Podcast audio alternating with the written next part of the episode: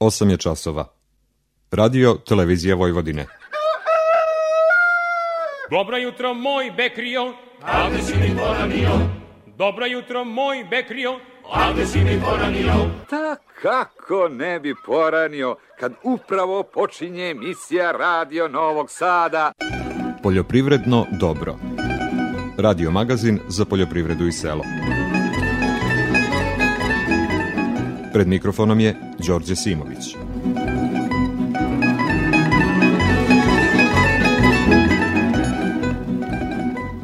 Poštovani slušalci, dobro jutro. U današnjem poljoprivrednom dobru ćemo govoriti o stanju useva pšenice i uljane repice na 20 dana pred žetvu. Osim dana polja na rimskim šančevima, čućete kako je bilo na onim organizovanim u Subotici.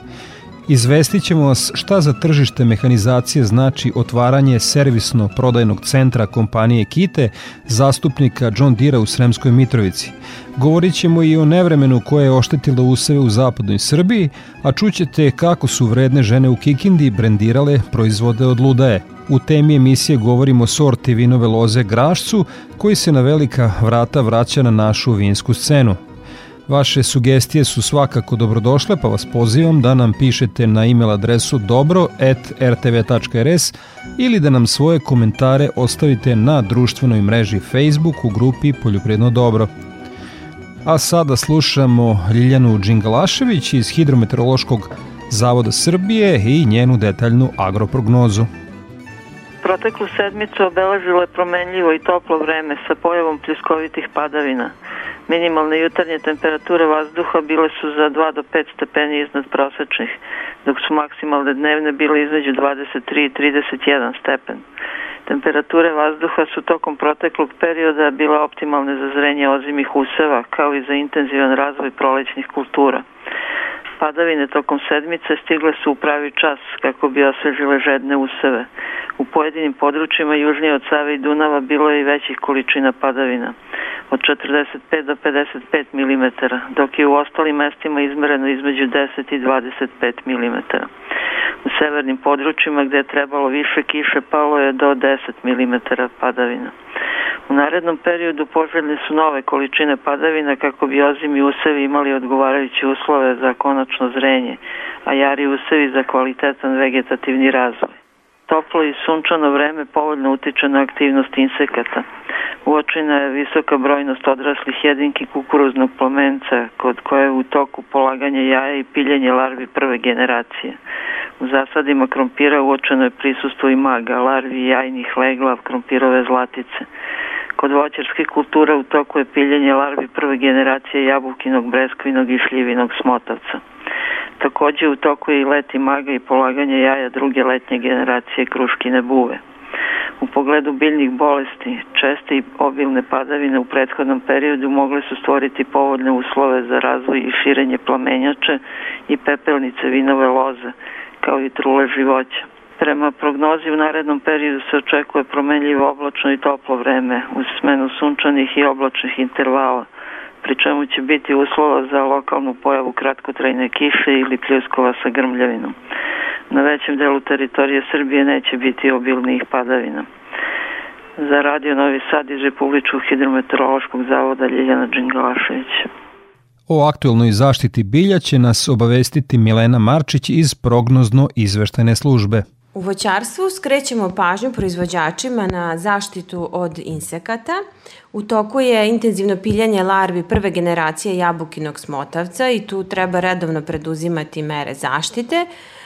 U nedelji koja je pred nama očekuje nas i aktivnost e, druge generacije kod šljivinog i breskvinog smotavca, i naravno tu treba primeniti adekvatne mere zaštite registrovanim insekticidima. Naravno, kod bresaka treba obratiti pažnju da se mere zaštite sprovode samo u kasnom sortimentu jer je započela berba kod ranih sorti.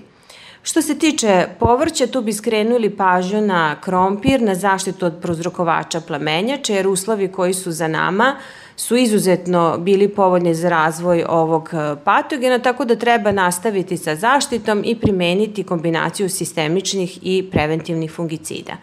Danas želimo da posebnu pažnju skrenemo ratarima na izuzetno važnu štetočinu, na kukuruznog plamenca, U našoj zemlji na najvećim površinama se gaji kukuruz i ovo je najznačajnija štetočina kukuruza, dakle značaj ovog organizma je izuzetno veliki i ono što se desilo u toku prošle nedelje jeste da smo na svetlosnim lovnim lampama na kojima se prati ova štetočina registrovali do sada najveće brojnosti prve generacije, najveće brojnosti leptira za poslednjih 10 godina, dakle nismo imali još ovakav slučaj.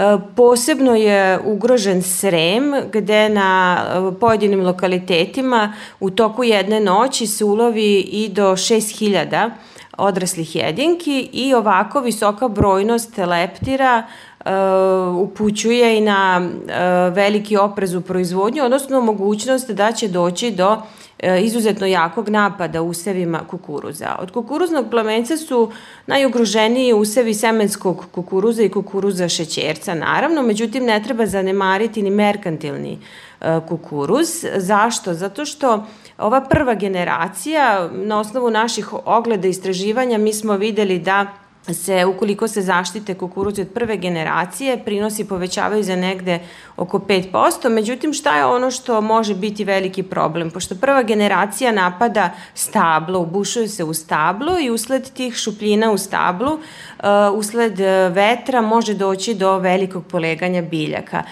Tako da ove izuzetno visoke brojnosti, najveće u poslednjih 10 godina, upućuju na veliki oprez i naša je preporuka da gde god je to moguće da se sprovede zaštita od prve generacije. Proizvođači soje neka obiđu parcelu, utvrdili smo prisustvo gusenica stričkovog šerenjaka i larvi različitih vrsta sovica, tako da treba biti i tu oprezan i redovno pregledati useve. Iz prognozne izveštene službe za zaštitu bilja Milena Marčića. Nakon aktualne zaštite bilja slušamo Skadarliju i pesmu Jedna cura mala –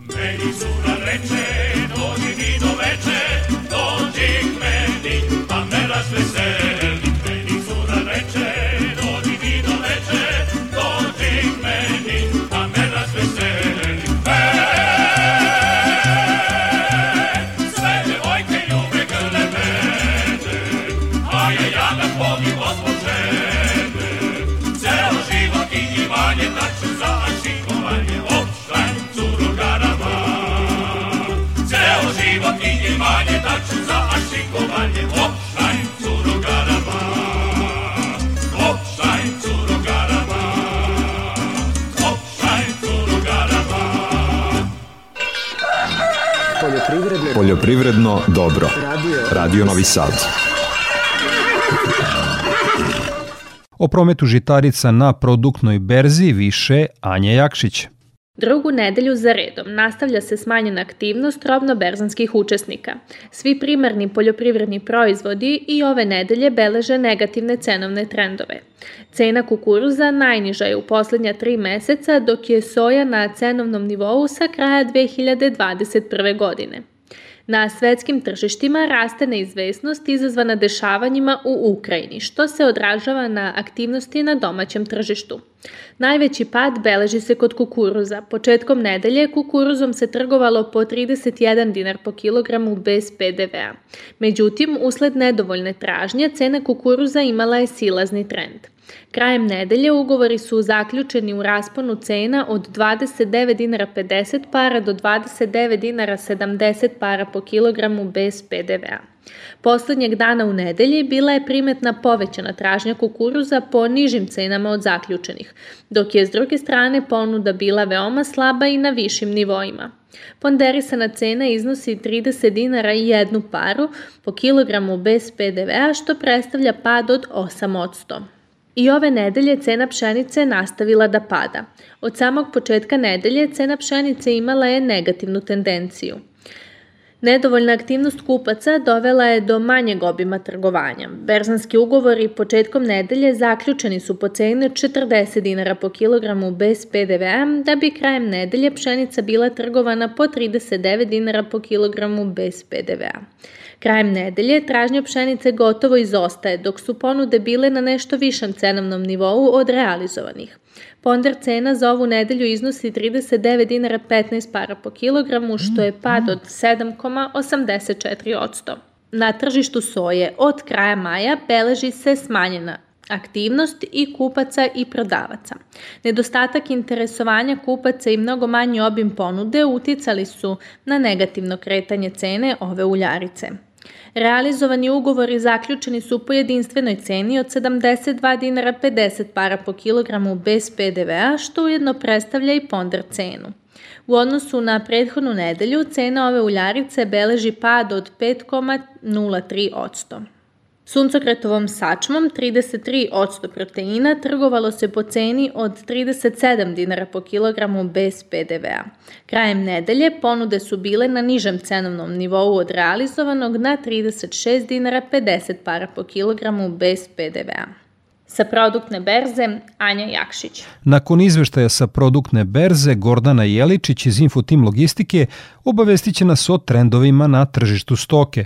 Sve cene su bez uračunatog poreza na dodatu vrednost. U toku ove nedelje naši saradnici su tovne svinje sa farme oglašavali po ceni od 210 do 220 dinara po kilogramu, tovljenike sa mini farme po ceni od 200 do 210 dinara po kilogramu, a tovljenike iz otkupa po ceni od 190 do 200 dinara po kilogramu.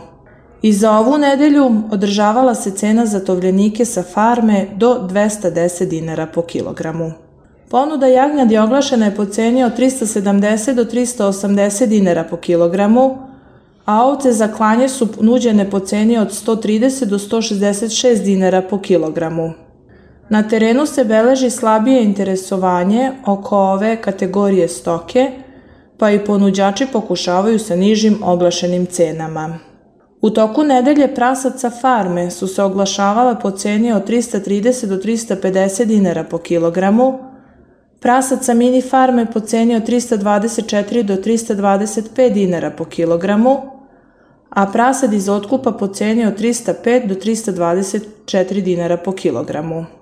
Koliko možemo da primetimo, nivo cena za prasad svih kategorija se održava već duže vreme.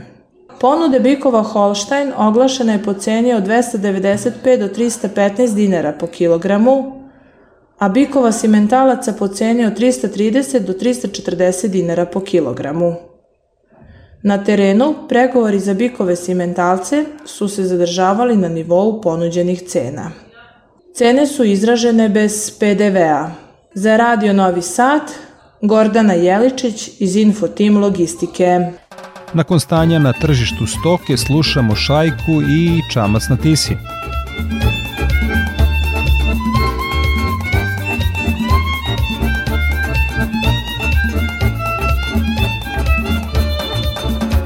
To davno beše, sećam se ja Kad u tvom oku prvi put plam zasja Tad si meni znala reći, dragi pričaj mi o sreći, ne daj da zalud letima.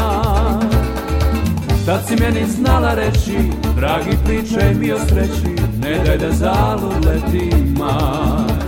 to davno beše, sećam se ja Kad meni ti si rekla tvoja sam sva To se više vratit neće Sad su prošli dani sreće Ali još te uvek volim ja. To se više vratit neće Sad su prošli dani sreće Ali još te uvek volim ja. Po tihoj smo reci tada često plovili U malenom čamcu smo se prvi put poljubili Al sad je sasvim drugčije sve. I više nikad neće biti kao pre. Pokraj mene više nisi Čamcem plovim sam po tisi Ali još te uvek volim ja. Pokraj mene više nisi Čamcem plovim sam po tisi Ali još te uvek volim ja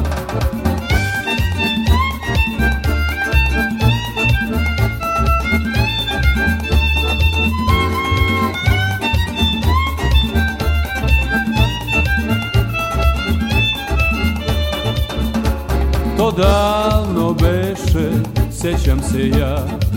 Kad u tvom oku prvi put plam zasja Tad si meni znala reći Dragi pričaj mi o sreći Ne daj da zalud leti maj Tad si meni znala reći Dragi pričaj mi o sreći Ne daj da zalud leti maj Po tihoj smo reci tada često plovili U malenom čamcu smo se prvi put poljubili Al sad je sasvim drugčije sve. I više nikad neće biti kao pre. Pokraj mene više nisi Čamcem plovim sam po tisi Ali još te uvek volim ja. Pokraj mene više nisi Čamcem plovim sam po tisi Ali još te uvek volim ja. Ali još te uvek volim ja Ali još te uvek volim ja Poljoprivredno dobro. Radio Novi Sad. U susret žetvi pšenice koja će početi za 20 dana, Institut za ratarstvo i povrtarstvo je organizovao tradicionalne dane polja. Dani polja se organizuju kako bi poljoprivrednici na poljima videli sorte pšenice i uljane repice stvorene na Institutu za ratarstvo i povrtarstvo. Nakon obilaska parcela i razgovora sa stručnjacima, oni se opredeljuju koje će od prikazanih sorti upotrebiti na sobstvenim imanjima. Prema rečima stručnjaka za strana žita Miroslava Maleševića, kiša je za pšenicu ove godine uglavnom stigla prekasno. Ovo što se sad događa, da dnevne ne prelaze više od 26-7 stepeni, a noćne padaju na 14-15, je idealno za nalivanje zrna. Nažalost, za veliki deo površina je zakasnilo i kiša i ovo promena vremena.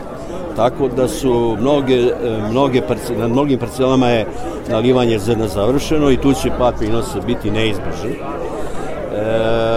međutim, one koje su uspele da očuvaju malo zelene površine i koje su dobijale poneku kišu u toku prolećnog dela vegetacije, imaju šanse da dobro naliju zrno i da formiraju jedan sasvim dobar prinos. Prvobitno mislio sam da ako bude desetogodišnji prosek ili malo ispod, ispod toga, da moramo biti svi srećni i zadovoljni. I dalje mislim da je negde do 4,5 tone jedan jako dobar prinos za ovakvu godinu kakvu smo, kakvu evo imamo, da će biti jako dobar. Jer ne treba zaboraviti da je džubrivo nedostajalo i da mnogi proizvođači nisu uspeli ni zrna. Da je suša pratila pšenicu celog proleća i evo sve do skora. Tako da ne može sad za ovo kratko vreme ništa ne može spektakularno da se Stanje nije bolje ni kod uljane repice koja će se žeti neposredno pre pšenice, potvrđuje Ana Marjanović-Jeromela sa Instituta za ratarstvo i povrtarstvo. Uljana repica se trenutno nalazi u fazi nalivanja semena, poslednjim fazama nalivanja semena i pripremama za žetvu se nalaze proizvođači adekvatno tome. S obzirom da neki od ječmova se već e, su sa zreli ulazi se u žetvu, logično je da na imanju rukovodioci imanja, odnosno domaćini, svoje resurse raspodele tako da kombajni prvo uđe u ječam, nakon toga repicu i nakon toga sledi pšenica. U našem oplemenjivanju Institutu za ratarstvo i povrtarstvo mi se rukovodeći time e, kao jedan od svojih ciljeva imamo i ranostasnost sorti i hibrida uljane repice da bi e, proizvođači mogli racionalno da iskoriste svoje resurse. Uljana repica ove godine je nešto niža nego prethodnih godina što je posledica izrazite suše kako u setvi uljane repice što je izazvalo prolongiranje setve i njeno trajanje gotovo više od mesec dana do sada ove prolećne suše zbog koje je nešto e, niži prinos se može očekivati, ali u svakom slučaju e, dobar, naravno ne rekordni, ali dovoljno dobar da opravda e, očekivanja proizvođača i donese im rentabilnu proizvodnju. Uljana repica ima proizvod seme koje sve više traže na tržištu, što je izazvalo i širenje proizvodnje za gotovo trećinu u ovoj vegetacijnoj sezoni, a mi očekujemo u narednoj sezoni, motivisani dobrom proizvodnjom, a naročito dobrom cenom, da će proizvođači i povećati površine pod ovom biljnom vrstom. Koliko je ove godine posejano? Po e, Zavodu za statistiku to je negde oko trećine više nego prethodne sezone, negde oko 27.000 hektara. E, nismo sigurni da će sve ove površine ući u žetvu moramo vidjeti šta će nam doneti narednih nekoliko dana izrazito visokih temperatura sa olujnim vetrovima i potencijalnim gradom. E, jedan deo proizvodnje je i preoran na samom proleću kada usevi koji su kasno posejani nisu imali adekvatan sklop, ali očekujem da će žetva biti na između 23 i 25 hiljada hektara ove godine. Inače, godišnje u Srbiji potrošimo oko milion i po tona pšenice, a sa prelaznim zalihama ostaje nam oko 2 miliona tona za izvoz. A dane polja u Subotici pratio je Boris Šuman. Ogledno polje poljoprivredne stručne službe u Subotici reprezentativno oslikava prosečno stanje u regionu sa primenjenih 28 vodećih sorti pšenice, 10 sorti ječma i 22 sorte uljane repice, među kojima su i neke nove, uz primenjenu punu agrotehniku, na osnovu koje poljoprivrednici mogu da izvuku zaključke pred neke naredne setve. O trenutnom stanju govori direktor ove službe Damir Varga. Očekujem da će neki prosečni prinos ječma biti tu negde oko 5 tona, pšenice oko 4,5 tone na nivou regiona, to je ono otprilike kako je situacija već ukazivala pre jedno dve nedelje da će biti, s obzirom da je ovih dana isto kiše nismo imali, tako da kako je izgledala prije nekih tri nedelje situacija se ipak popravila, znači, jer izgledalo je, verovatno bi bila situacija da bi možda bilo svega tonu i po do dve pšenice. Znači, ali ipak sada, sada već možemo reći, usevi jesu proređeni, ali za sada evo nalivanje zrna dobro ide, ovo vreme, ove nedelje, ove niže temperature će pogodati usevima da, da naliju zrno i ukoliko ne bude padavina, već se može očekivati da će tokom iduće nedelje žetva ječma okrenuti punom parom. Dan polja okupio je veliki broj poljoprivrednika iz regiona Subotice, što govori o njenom stručnom i savetodavnom značaju među poljoprivrednicima. Poljoprivredno, Poljoprivredno dobro. Radio, Radio Novi Sad. U Sremskoj Mitrovici u minuloj sedmici je otvoren servisno-prodajni centar kompanije Kite DO, generalnog zastupnika John Deere mehanizacije. Na tržištu Srbije više od 20 kompanija prodaje poljoprivrednu mehanizaciju, ali najveću tržišnu zastupljenost traktora za srednje i velika gazdinstva ima brand John Deere. Izvršni direktor kompanije Kite DO, Đorđe Mišković, kaže da će otvaranje poslovne jedinice u Sremskoj Mitrovici imati višestruki značaj za tržište poljomehanizacije u Srbiji. Za početak će ovde raditi 11 zaposlenih i cilj je da se mašine, rezervni delovi, usluge servisa približe korisnicima u regionu Srema, Mačve, a u isto vreme da to bude i mesto sa kojih će se snabdevati naša firma u Bijeljini. Pokušavamo da, da steknemo prednost u odnosu na konkurenciju, da brand John Deere koji ima već dobro mesto tržišno učešće bude još bolje pozicioniran, a zahvaljujući finansiranju OTP banke i dobrim odnosima sa kompanijom John Deere svoje zalihe držimo na optimalnom nivou. Hrana će biti i već jeste najvažnija roba na zemaljskoj kugli i svi oni koji to budu pravovremeno shvatili da je kontrola troškova proizvodnje na prvom mestu, oni će biti uspešni. Znači, mi ne možemo uticati na tržišna kretanja, odnose ponude i tražnje i cene na berzama hrane, ali možemo svoju proizvodnju učiniti jeftinijom. Koncept precizne poljoprivrede upravo to čini, znači e, kontrolišu se svi inputi, radi se analiza zemljišta, mapiraju se parcele, određenim zonama se dodaje šta je potrebno od mineralnih hraniva, vrši se selektivno đubrenje e, mineralnim hranivima, vrši se selektivna setva i na kraju e, smatramo da se na taj način postiže ono što su agronomi rekli optimalan prenos, a sa druge strane e, napredujemo po primjeni tehnologije i približavamo se razvijenijim poljoprijedama sveta. Mi smo distributer brenda John Deere. Koncept Dealer of Tomorrow, dealer sudrašnjice, podrazumeva da se na svakih 100 do 150 km teritorije koju dealer pokriva nađe putokaz gde kupci mogu da dođu, da kupe mašinu, da poprave mašinu, da kupe rezervni deo, tako da uz Bačku Tupolu, Sremsku Mitrovicu planiramo da u narednom periodu pokrijemo područje Banata, to će vjerojatno biti oblast e, grada Pančevo i nakon toga da u centralnom delu Srbije u rasponu Kragujevac, Kraljevo, već koji bude grad određen kao cilj, bude i dodatno e, skladište i distributivni centar za centralni deo Srbije. Bio je to izvršni direktor u kompaniji KITDO Đorđe Mišković. Slušamo Milana Prunića i pesmu Kad sam bio u Novome Sadu, pa u temi emisije afirmišemo sortu vinove loze Grašac. Muzika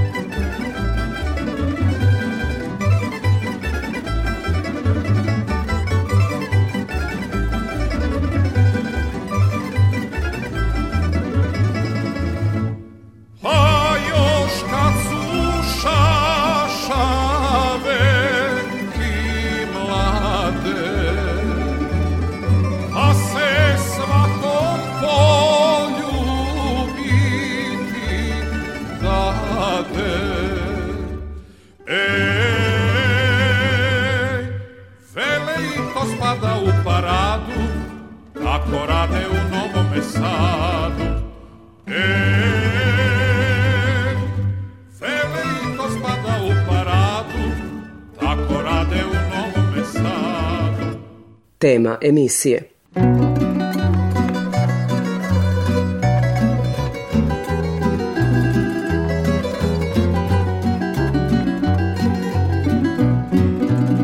U Srbiji je po prvi put upriličen festival grašca, dakle sorte vinove loze za proizvodnju belih vina. Jedan od organizatora manifestacije, urednik časopisa Vino i Fino, Igor Luković je za Poljoprivredno dobro govorio o tome šta su organizatori nameravali da postignu ovim festivalom i koji su planovi za budućnost. Ideja o festivalu Grašca kuva se već duže vreme, odnosno već nekoliko godina. Mi zapravo radimo dve manifestacije koje smo povezali u niz dana, a te dve manifestacije su razvojene i organizaciono. Prva je Grow du Monde, a to je međunarodno ocenjivanje vina od grašca i pokretači toga su Saša Špiranec iz Hrvatske, Zoltan Đerfi iz Mađarske i ja na ideju smo došli negde 2017. godine, a Grow je skraćenica od Grašac, Riesling italijanski, Olas Riesling, Walsh Riesling, što su najčešće imena sorte. I ovaj, doveli smo sudije iz celog sveta, 8. juna je održano to ocenjivanje. Mislim da i to uz pomoć grada Novog Sada i moram da im se zahvalim na tome i uz svesrdnu podršku Udruženja vinara i vinogradara Fruške gore smo mi to prvi put, prve godine uradili u Novom Sadu, sledeće se selimo u Hrvatsku, po Mađarsku, Austriju i tako dalje, da je bilo organizovano stvarno na jako visokom nivou i sve sudije koje smo doveli iz nekih šest različitih zemalja su bile veoma zadovoljne i ono što je meni najvažnije, pre svega jako zadovoljne kvalitetom vina. Grašac, odnosno graševina, odnosno Olas Riesling, zovite ga kako god hoćete, je pokazao da je zaista velika i svestrana sorta. E, to je jedan deo. Na to smo mi onda nadovezali jednu drugu stvar, a to je taj festival Grašca, gde je prvi dan press trip, odnosno putovanje za novinare po Fruškoj gori, gde smo probali uglavnom vina od Grašca i mogli da uporedimo južne e, padine sa severnim padinama Fruške gore, istočni deo Fruške gore sa zapadnim delom Fruške gore, da vidimo razliku u tome kako teroar utiče na, utiče na samu sortu i na kraju krajeva da se i novinari i vinski stručnjaci iz sveta upoznaju sa time šta Grašac jeste i ne samo šta je Grašac, nego šta su potencijali Fruške gore kao vinske regije. A sad u petak ovaj, smo imali festival Grašca na Petrovaradinskoj tvrđavi i ja ne mogu da zamislim bolje mesto da se tako nešto održi jer e, gledali smo u Dunav sve vreme i gledali smo u Novi Sad, a Grašac je sorta za koju najveći ampelografski autoritet na svetu Žozevilja Moz tvrdi da je da je e, iz sliva Dunava, da odatle, da odatle sorta poči, potiče, što znamo i zahvaljujući nekim drugim argumentima, ali kako da kažem, ovde je pupak te sorte, ovde mu je mesto rođenja i imati festival na kome je preko 50 vina od grašca u svim mogućim stilovima, gledati u Dunav i slušati dobre tamburaše radio televizije Vojvodine su ovaj je onako je jedan apsolutno apsolutno poseban doživljaj. Ovo je prvi put puno ljudi je došlo i ja sam siguran da će narednih godina, pošto će ovaj festival nastaviti da se održava, da ih bude još više kao što će biti još više i vinara i gostiju iz inostranstva takođe. I na kraju konferencija o Grašcu gde smo se mi potrudili da pokrijemo da sagledamo tu sortu i njene potencijale iz različitih uglova. Prvo, je tu profesor Dragoslav Ivanišević i odnosno doktor e, Dragoslav Ivanišević i doktor Vlada Puškaš, jedan sa poljoprivrednog, drugi sa tehnološkog fakulteta koji su pričali o, o stručnom delu, odnosno od vinograda pa do onoga što grašac može aromatski da da ovaj u čaši, ali smo i, imali i somelijere i to trojicu ja mislim među najboljima u Srbiji, Vuka Vuletića, Duleta Vranića i Stevu Kostreša, predsednika Udruženja Somalijera Vojvodine, koji su pričali o tome kako se grašac primenjuje u gastronomiji i u gostiteljstvu, malo posmatrali stilove grašca, pričalo se to u istoriji sorte koja je, ja to moram da kažem još jednom, koja se najstariji zapis o sorti grašac beli, uključujući Nemačku, Mađarsku, Austriju, Hrvatsku, je na srpskom jeziku u knjizi Savršen vinodelac koju je napisao Prokopio Bolić. Dakle, to je najstariji pomen sorte i mi naprosto moramo da budemo ponosni na to. Dakle, bavili smo se i istorijskim činjenicama i na kraju se završilo sa jednim panelom vinarskim širim gde su autentični vinari, vinari sa Fruške gore, govorili o svom viđenju sorte i govorili o grašcu kao, kao, kao sorti koja ima ogroman potencijal i na kraju krajeva o njihovom emotivnom odnosu sa grašcem. Jer grašac je nešto što je rasprostranjeno bukvalno svuda po Fruškoj gori i ovaj, gde je to svako nekako, neko imao dugo u porodici, nekako imao dugo u porodici, ali jedno vreme, do pre samo deseta godina, ta sorta imala užasnu reputaciju, zato što su se od nje pravila masovna špriceraška vina, međutim, ovaj, kada se ploča okrenula i kada su se vinari fokusirali i shvatili da ako tretirate grašac u vinogradu jednako kao što tretirate šardone, onda pravite velika, ako ne i bolja vina nego čardonea. I to je naprosto tako. Verovatno u Srbiji kad se pomene reč potencijal, svi misle o neiskorišćenim potencijala i diže im se kosa na glavi, ali uh, vi ste jedan od najprestižnijih kreatora vinske scene u Srbiji, ocenjujete vina na dekanteru, najprestižnijem ocenjivanju na svetu u Londonu. Šta mi dalje sa Grošcem da radimo? Kako da ga unapredimo? A, pa ono što sad trenutno grašcu nedostaje je još više marketinga, pre svega. Što se tiče kvaliteta vina, mislim da je nekoliko vinarija apsolutno zacrtalo pravac i otkrilo mogućnosti tržištu. Svako ko hoće da vidi, to vidi i on je počeo sve više da ulazi u ugostiteljstvo gde ga nije bilo. Dakle, fokus treba pre svega da bude na tome ovaj, podstaći mu popularnost i brendirati ga kao veliku sortu, jer on to jeste. Dakle, to je, to je prva stvar. A sa druge strane, e, dati odgovor na pitanje kuda grašac treba da ide jeste teško pitanje zato što je i postoji jako malo sorti na svetu koje mogu da daju toliko širok dijapazon stilski različitih vina. Znači vi od grašca imate fenomenalne penušavce, imate odlična mlada vina koja se piju godini posle godinu dana posle što su proizvedena. E, imate vina koja mogu jako dugo da odležavaju imamo grašca iz 2012. godine koji su u fenomenalnoj kondiciji i na kraju on daje jako dobra predikatna slatka vina i botritisovana i kasne berbe i ledene berbe ne postoji druga sorta, da je ja znam, a znam nešto malo o sortama, ovaj, koja ima takve potencijale. Vi od Rizlinga možete da napravite odlična slatka vina i odlična sveža bela vina. Kad napravite penušavac, to naprosto nije to. Šardone, fenomenalni penušavci, najbolji šampanjci su od Šardoneja, isto tako i neka sveža vina odlično podnosi drvo, ali ne možete da napraviti dobro slatko vino od Šardoneja. Dakle, grašac je u tom smislu univerzalan. Ono što, e sad, slatka vina je teško prodati, penušava vina se prodaju malo, dakle treba se fokusirati na kvalitetna po mom mišljenju odležala bela vina. To je ono što je još uvek neotkriveno. Za sveža znamo, sveže grasa da su odlični, ali odležala bela vina koja će da izađu na tržište tek 2-3 godine posle proizvodnje. Dakle, sa više strukture, pretencioznije napravljena, ne nužno u drvetu, mada grašac i podnosi drvo, ovaj, i koja dugo mogu da odležavaju i koja su za gastronomiju zaista onako ogroman potencijal mladi uspešni vinari e, guraju termin grašac, e, stara ekipa je nekako navikla e, na italijanski rizling, šta u ovom trenutku nosi prevagu u Srbiji? U ovom trenutku prevagu u Srbiji nosi grašac i ja sam jako srećan zbog toga i to se desilo, moram da vam priznam, poprilično brzo. I sad opet da se osvrnemo malo na istoriju. Dakle, počeli, on se vekovima zvao grašac, grašac beli, grašac zeleni, svakakvi grašci, različiti klonovi su imali različite imena. I to je slučaj kao sa Malvazijom na Mediteranu. Različite sorte su se zvale istim imenom, što samo govori o tome da je sorta jako dugo tu. E, tek, u, u drugom, tek oko drugog svetskog rata je ime potpuno promenjeno na italijanski rizling. Zapravo prvi put se pominje kao italijanski rizling bez graša s graševina 1939. godine u knjizi e, izvesnog Dražića koja se zove život planinaca na Fruškoj gori. Mislim da vas nisam slagao oko godine i, i, i oko autora, tako negde mi je ovaj, ostalo u glavi. I posle drugog svetskog rata on ostaje italijanski Riesling, kombinatska proizvodnja, jeftina vina od litre, kilo kilo, svi znamo tu priču.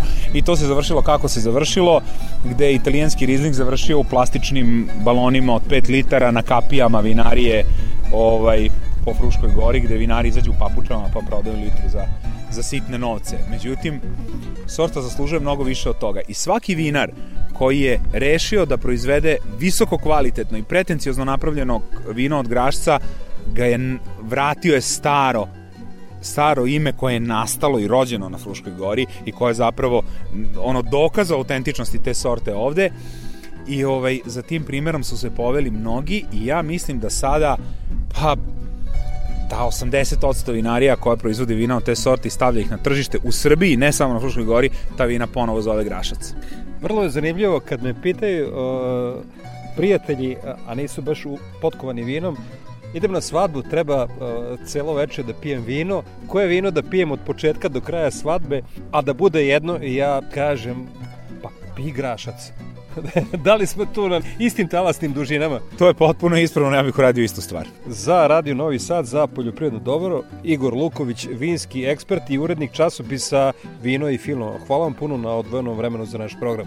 Hvala vama i pozdrav slušalci.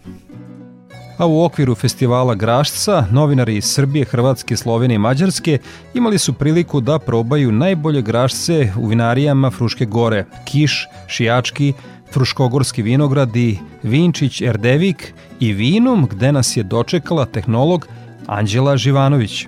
Doktor Milan Ubavić, odnosno vlasnik vinarije Vinum, je od samog starta imao ideju da želi da e, sagradi nešto inovativno i nešto specifično. Kada smo razmišljali koju ćemo zapravo sortu da posadimo, shvatili smo da je nešto najbolje u čemu možemo ovaj, e, sortu kao sortu da predstavimo, u stvari italijanski rizling, odnosno grašac beli, a kasnije ovaj, u konsultaciji sa kolegama, počeo od tehnologa Jovice Uroševića, a zatim i ostalih kolega, odnosno Milana i Goce i evo za kraj da ostavim i sebe kao tehnologa, onda smo odlučili da to zapravo bude grašac beli i da želimo da pokažemo koliko je ta sorta zapravo dobra, obzirom da ljudi imaju a, tako reći neke predrasude. Kod te sorte smatram da a, može da se pokaže koliko neko vino može zapravo da bude lagano, a iz godine u godinu pravom tehnologijom da se pokaže a, koliko ono starenjem dobija, što na svojoj aromatici, što na strukturi, što to kada se pogleda, recimo mi imamo i klasik liniju, odnosno samo barik, imamo nakon, odnosno samo tank, zatim i barik, ovaj, odnosno grašac 26 u našoj vinariji i kao kruna naše vinarije je Dina, odnosno e, penušavo vino od grašca belog. Tako da e, to je pokazatelj koliko ta sorta može da se iskoristi i za vino koje će se piti u toku ovaj, naredne godine kada je berba vođena, a i ovaj, godinama nakon toga. A samim tim i za kraj da se dobije jako dobar penušavac što se tiče tržišta, oduševljeni su. Ljudi su, uh, sami kupci su oduševljeni. Kada dođu u našu vinariju, u principu počinju sa grašcem belim, zagrevanje, lagano vino za svaki dan, nakon toga ovaj, sledi barik, a zatim, zbog jako pozitivnih utisaka, vraćaju se sa prijateljima i onda ih dočekujemo sa našim penušavim vinom, odnosno dinom. U vinotekama jako dobar odziv. Što se tiče restorana, isto tako, to moram da primetim. Ove sedmice, obzirom da ovaj, se održava ono što se održava, vi ćete već ovaj, u najavi reći šta. E, recimo u mnogim restoranima može da se na čašu uzme grašac, da se proba, što je po meni izvrsna prilika za nekoga ko nikada nije probao tu sortu. Tako da ovaj, e, ono što moram da kažem jeste da obavezno ukoliko niste do sada probali da odete u vinoteke širom ovaj, e, na teritoriji Vojvodine, odnosno u Novom Sadu, u Beogradu takođe nas ima u dosta restorana i da probate ovaj, tu sortu i nakon toga da, da čujemo pozitivne ili negativne kritike, da znamo na čemu da radimo. Čuli ste tehnologa u vinariji Vinum Anđelu Živanović, a pre nje Igora Lukovića, urednika časopisa Vino i Fino, a u okviru teme emisije gde smo dali skroman doprinos afirmaciji sorte vinove loze Grašac. Toliko u temi emisije. Slušamo Zvonka Bogdana i pesmu Živim život ko skitnica. Živim život ko skitnica Roman je bez stranica Svud po svetu gnezdo svija danju spava, noću svira. Svud po svetu gnezdo svija, danju spava, noću svira. Života sve što ima, malo nade kad sam pijan i ove noći sve do zore neka crne vatre gore. I ove noći sve do zore neka crne vatre gore.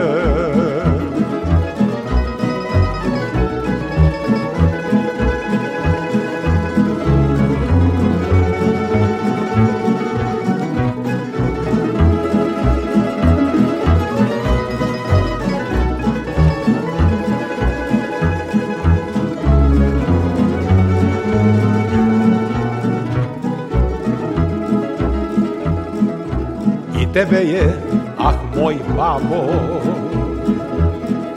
uz tambure život lago.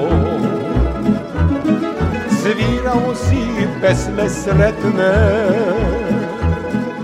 nekad vedre, nekad setne. Svirao si pesme sretne Nekad vedre setne Nek se igra, nek se toči. Ne skrivajte srećne oči. Bez tambura nema pesme. Noćas ljubi Ko ne sme. Bez cigana nema pesme Noćas ljubi I ko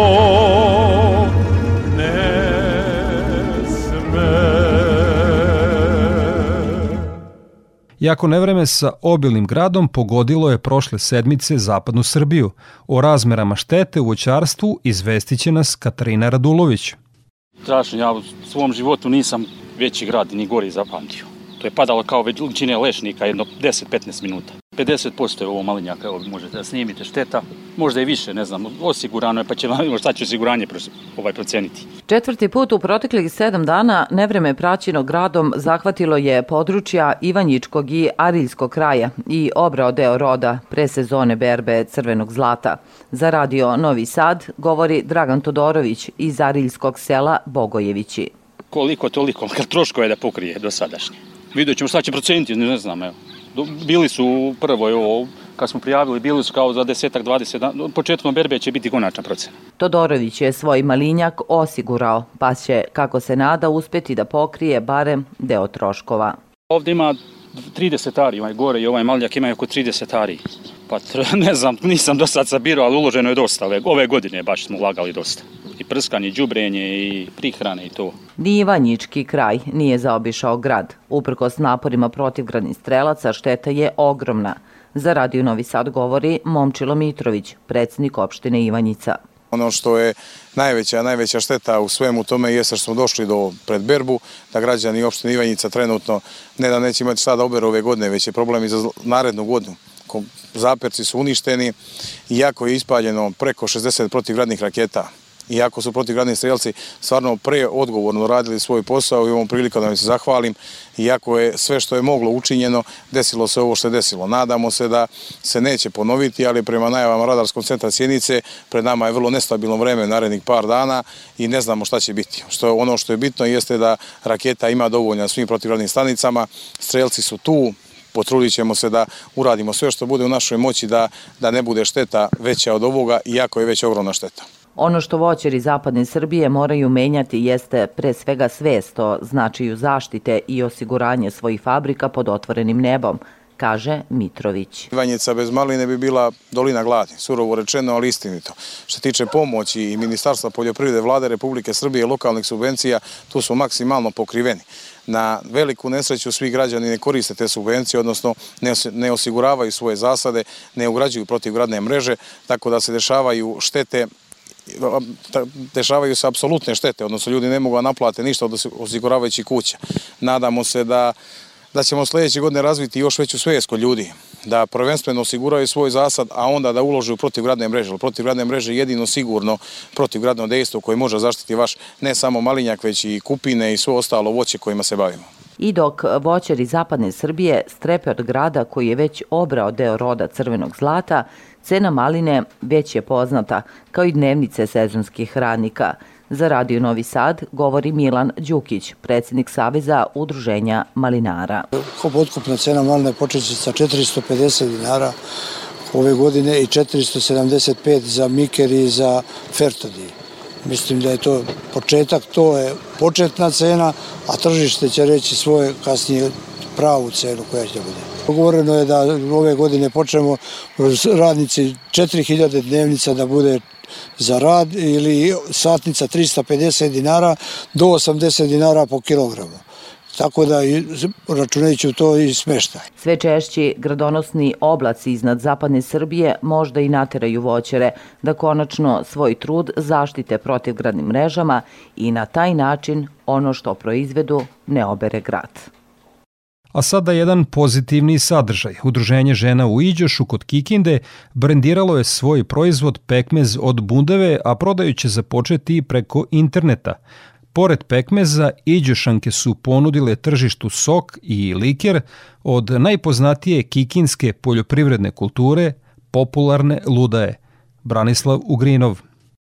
Najpoznatija poljoprivredna kultura u Kikindi ludaja, odnosno bundeva, može da se iskoristi na nekoliko različitih načina. Pored manifestacija u Kikindi, pravljenja kolača ili slatkog, članice udruženja žena Iđoš odlučile su da naprave pekmez od ludaje, potom su ga brendirale, a kupcima ponudile i sokove likjer od tog slatkog povrća. Proizvodnja pekmeza nije preterano zahtevna, ali je neophodno da se vodi računa prilikom samog mešanja, s obzirom na njenu osetljivost, objašnjava Vesna Buljin, članica pomenutog udruženja. Pekmez kao pekmez, ali ovo od bundeve, ovo je baš malo i zahtev, mora jako mnogo da se pazi, jer je bundeva sama tim osetljiva biljka i, i kad se kuva mora strogo računa da se vodi. Ceo projekat započet je na inicijativu Centra za podršku ženama iz Kikinde i Edukativnog centra iz Renjanina uz finansijsku podršku Evropske unije.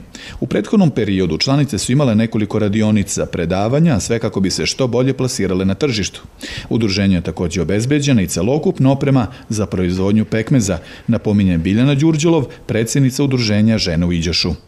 Bundeva to je specifično za naš kraj, Kikinda, Dani, Ludaje, mi smo tu blizu, tako da smo se odlučili za to. To nam je nekako bilo od svih ideja najostvarivije da to radimo, tako da smo i autentično je. Mi smo sad tu jedini koji radimo sa tim i, i proizvod koji je brendiran. Nije neobično da se udruženja žene iz Kikinde i okolnih mesta dosete i brendiraju proizvode autentične za kraj iz kog dolaze. U ostalom, bogatstvo različitosti u kuhinji samo je jedna prilika više koju u turističkom smislu treba i iskoristiti. I za kraj emisije još jednom agroprognoza Ljiljane Đingalaševića iz Hidrometeorološkog zavoda Srbije. Prema prognozi u narednom periodu se očekuje promenljivo oblačno i toplo vreme uz smenu sunčanih i oblačnih intervala pri čemu će biti uslova za lokalnu pojavu kratkotrajne kiše ili pljuskova sa grmljavinom. Na većem delu teritorije Srbije neće biti obilnih padavina.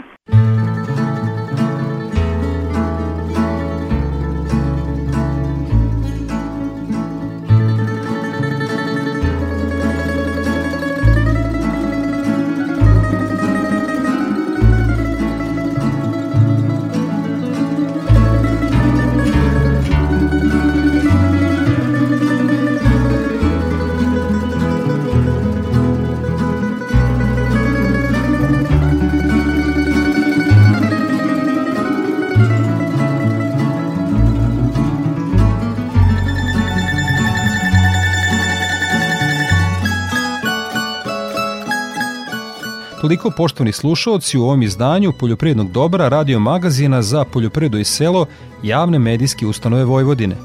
Naredni susret zakazujem za 7 dana uz podsjećanje da emisiju Poljoprivredno dobro možete da slušate i odloženo na podcastu portala Radio Televizije Vojvodine na adresi rtv.rs kao i na zvaničnoj Facebook grupi Poljoprivredno dobro gde možete da ostavite svoje sugestije. Možete nam pisati na našu elektronsku adresu dobro.rtv.rs. Ja sam Đorđe Simović i pozivam vas da ostanete uz Radio Novi Sad. Vašoj pažnji preporučujem ekološki magazin pod staklenim zvonom koji je na programu na Konvestiju 9. Svako dobro.